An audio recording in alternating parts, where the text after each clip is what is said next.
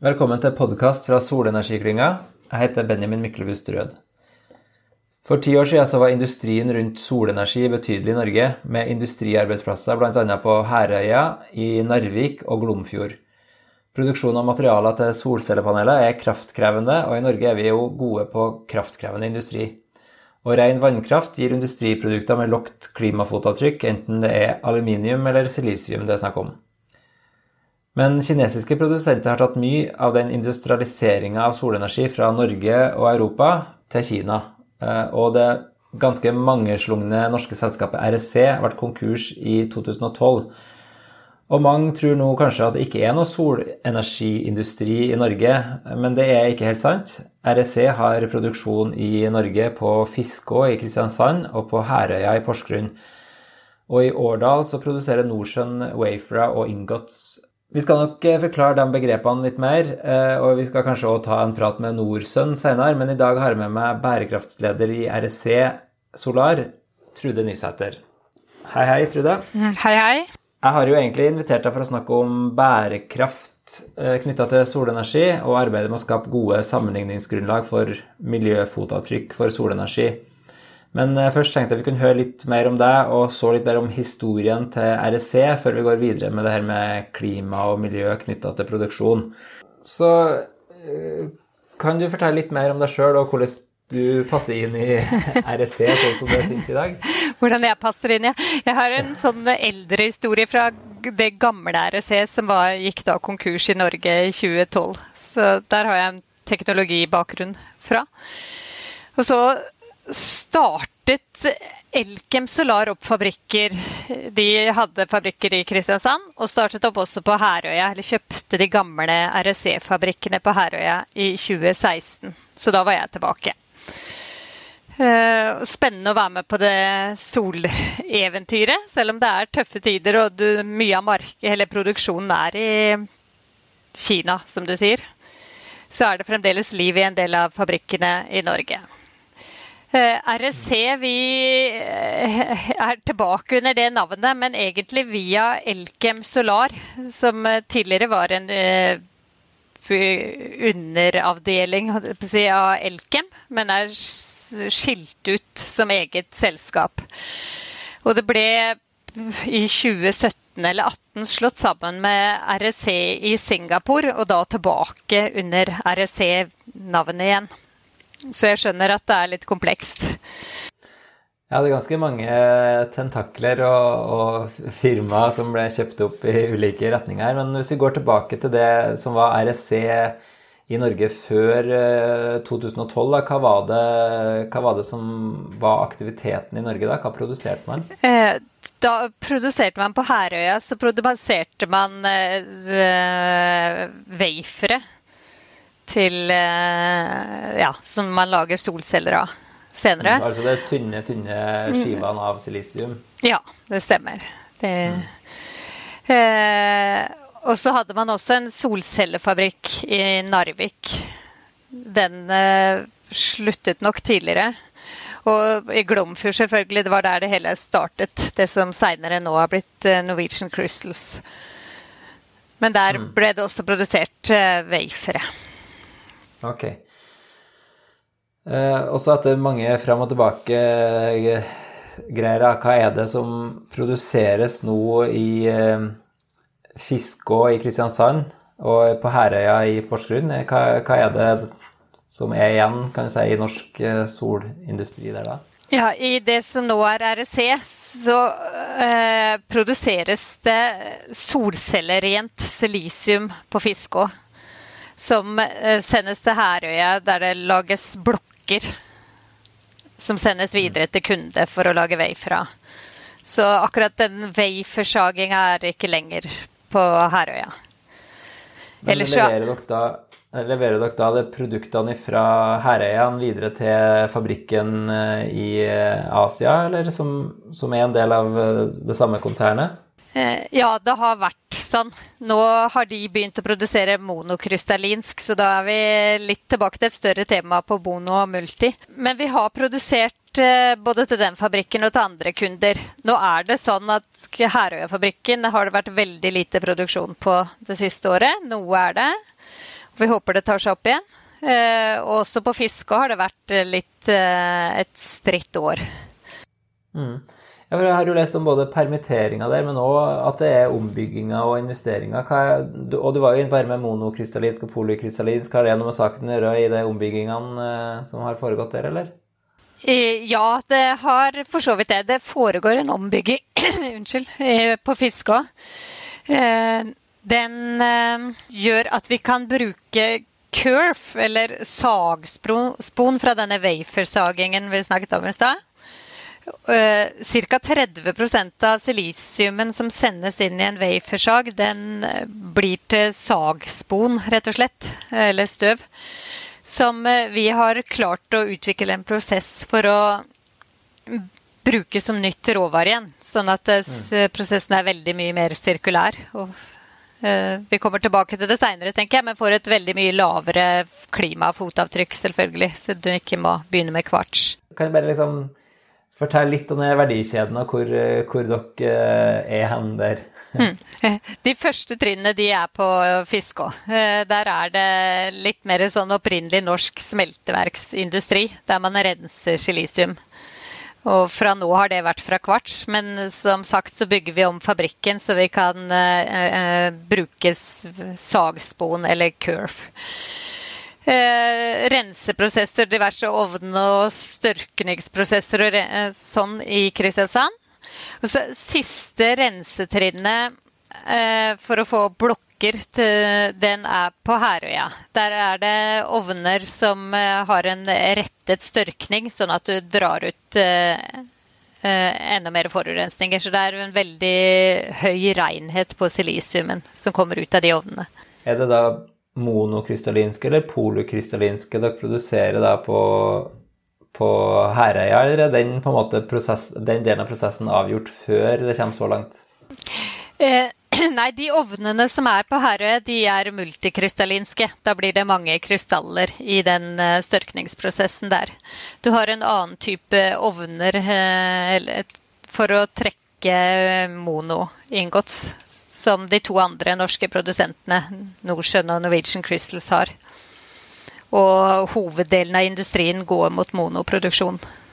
Ok, sånn at det som utfordringa deres, er jo at dere har verdens reineste reneste silisiumproduksjon med ren norsk vannkraft. Men sånn som det er i dag, så er det veldig få som eh, både etterspør eller er villig til å betale ekstra for å få den type paneler. Det stemmer. Jeg vil bare korrigere deg litt. For det, det er to årsaker til at vi har verdens laveste CO2-fotavtrykk. Det ene er at vi har en prosess som krever mye mindre energi enn det over 90% av våre konkurrenter gjør. Eh, pluss at de som regel da også bruker eh, kullkraft som energikilde. Så både det at vi bruker vannkraft, pluss at vi bruker mye mindre energi per kilo silisium, gjør at vi har et suverent eh, lavt fotavtrykk i forhold til alle konkurrenter.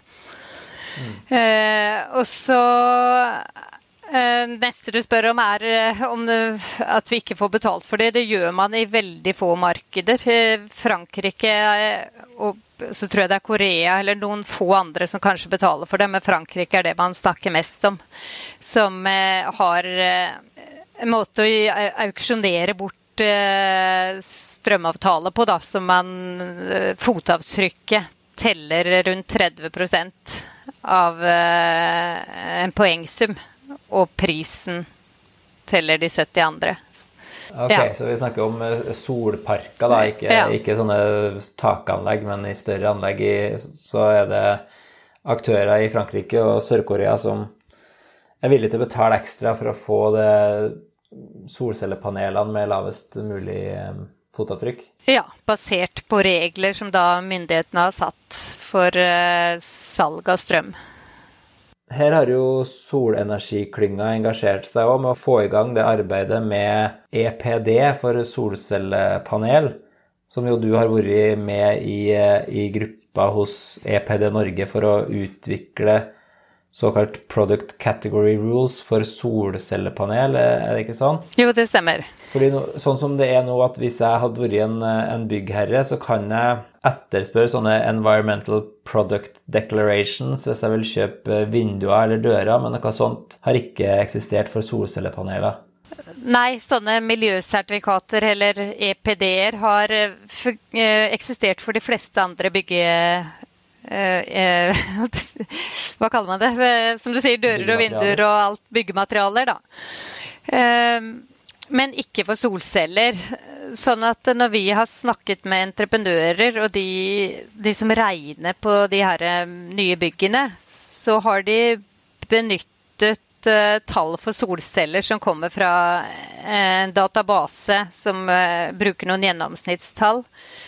Og når eh, over 90% av produksjonen foregår i Kina med et veldig høyt fotavtrykk, så blir gjennomsnittet dårlig. Eh, sånn at eh, det å ikke ha EPD-er på solceller har hatt en uheldig effekt i forhold til hvor mye det har blitt brukt da, i typisk offentlige bygg og sånn. Jeg har jo ikke hatt så mye forhold til product category rules og environmental product declarations eh, før, og det gikk litt sånn i surr for meg. Men, men, hva er egentlig forskjellen på de to eh, begrepene som jeg nevnte der? Ja, det er sikkert flere som ikke har et forhold til det. Det hadde heller ikke jeg før jeg starta å jobbe med det. Men en product category rules, det er uh, templaten eller malen som sier noe om hvordan du skal lage EPD-en din. Uh, så der står alle reglene. Og de er basert på ISO-standarder og sånt så det er ganske mye som er gitt hvordan disse reglene skal være. Eh, og det, det blir ferdig i disse dager Product Category Rules for eh, solceller, eller PV-systemer. Men eh, en Environmental Product Declaration, eller miljøsertifikat, jeg vet ikke hva som er enkle norske beskrivelsen på det, er et Eh, sertifikat du har for ditt produkt, så det er det hver produsent som lager for sin, eh, eh, sine solceller, da, eller sine solcellemoduler. Mm, sånn at du har sittet i ei gruppe sammen med andre aktører som til sammen representerer hele verdikjeden for solenergi.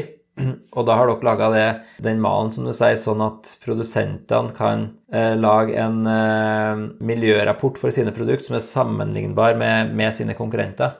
Ja, det stemmer. Så den malen er der, sånn at du kan sammenligne tallene dine fra en EPD med konkurrerende produkt fra en annen mm. produsent. Mm. Nå ser jeg jo at uh, både du og de andre som er med i en gruppe, er jo, dere er jo norske aktører, og det er jo EPD Norge som leder det arbeidet nå. Men hvordan, eh, hvordan kan det få ringvirkninger for uh, bransjen utenfor Norge, da? Eh, nå er EPD Norge også medlem av jeg tror det heter Ekoplattform, som er veldig mange aktører, spesielt i Europa, men også andre deler av verden, som er pliktig til å følge Hvis en EPD eller en PCR finnes i ett land, så skal de andre bruke den hvis jeg har skjønt det riktig. Slik at det her setter føringer også for de andre landene som er med på, i den samme plattformen. Mm, så dere har gjort et eh, arbeid som er relevant i en internasjonal sammenheng og kan få ringvirkninger utover Norge? Ja, det bør det absolutt få. Norge tror jeg har vært et veld, eh, litt foregangsland her også, spesielt byggebransjen. At man bruker EPD-er og setter krav til at det skal være EPD-er når man bygger spesielt nye offentlige bygg. Eh, Tyskland er visst også gode på det, og flere land kommer nok etter eh, og setter eh, krav til at det skal være EPD. Mm. Eh, går det an å på en enkel måte forklare hva, hva som er forskjellen på disse prosessene? Altså, du nevnte jo at eh, det er ikke bare om, om strømmen kommer fra kullkraft eller vannkraft, men at dere har ulike prosesser, altså ulike industriprosesser for å framstille rene silisiumet. Hva, hva, er det som er forskjellen på de prosessene? Ja, så Ganske enkelt så er det at at de, for de aller fleste av våre konkurrenter så er silisiumen over i en gassfase som en del av renseprosessen. Og det krever mye energi å lage metallet om til gass. Men vi har en metallurgisk renseprosess som ikke krever at du skal ha ting over i gass. Hva er det som da er neste steg eh, for å sikre mm, mer, eller enda mer miljøvennlige solcelleinstallasjoner? Da? Er det at offentlige innkjøpere må huske å, å be om en EPD eh, e for solcellepanelene og vekte det riktige anbudet, da? Eller, eh, eller skjer det av seg sjøl? Nei, jeg tror nok det er en viktig ting at det etterspørres miljødokumentasjon på hvordan du produserer eh, solceller, og det aller meste annet vi produserer også. At vi har et bevisst forhold til hele verdikjeden fra produksjon og transport og bruk og deponering. Men jeg tror det å få på plass en ordning der det etterspørres eh, dokumentasjon, slik som EPD, eh, vil være fordelaktig. Mm. Ja, med, med, det så tror jeg kanskje vi eh, skal si takk for tida di, eh, Trude. Men du sa eh, helt til slutt så, så hadde det vært greit å få med seg når er det det her vi kan forvente å, å se at produsentene har sånne sertifiseringer klar? Ja, akkurat når de blir ferdige er jo et spørsmål, men den PCR-en, eller malen, er klar i disse dager. Så nå er det opp til produsenten bedriftene å få laget eh, sine EPD-er, eller miljødeklarasjoner. Men det er, en, det er, en, forholdsvis krevende prosess, så det kan ta noen måneder. I hvert fall. Men eh, ja. I løpet av et år så bør i hvert fall de første være på plass. Ja. Ja, Da går det vel egentlig oppfordringa både til produsentene i første omgang det er om å skaffe seg EPD, og så til, til innkjøperne om å benytte seg av det beslutningsgrunnlaget for å anskaffe de aller beste prosjektene.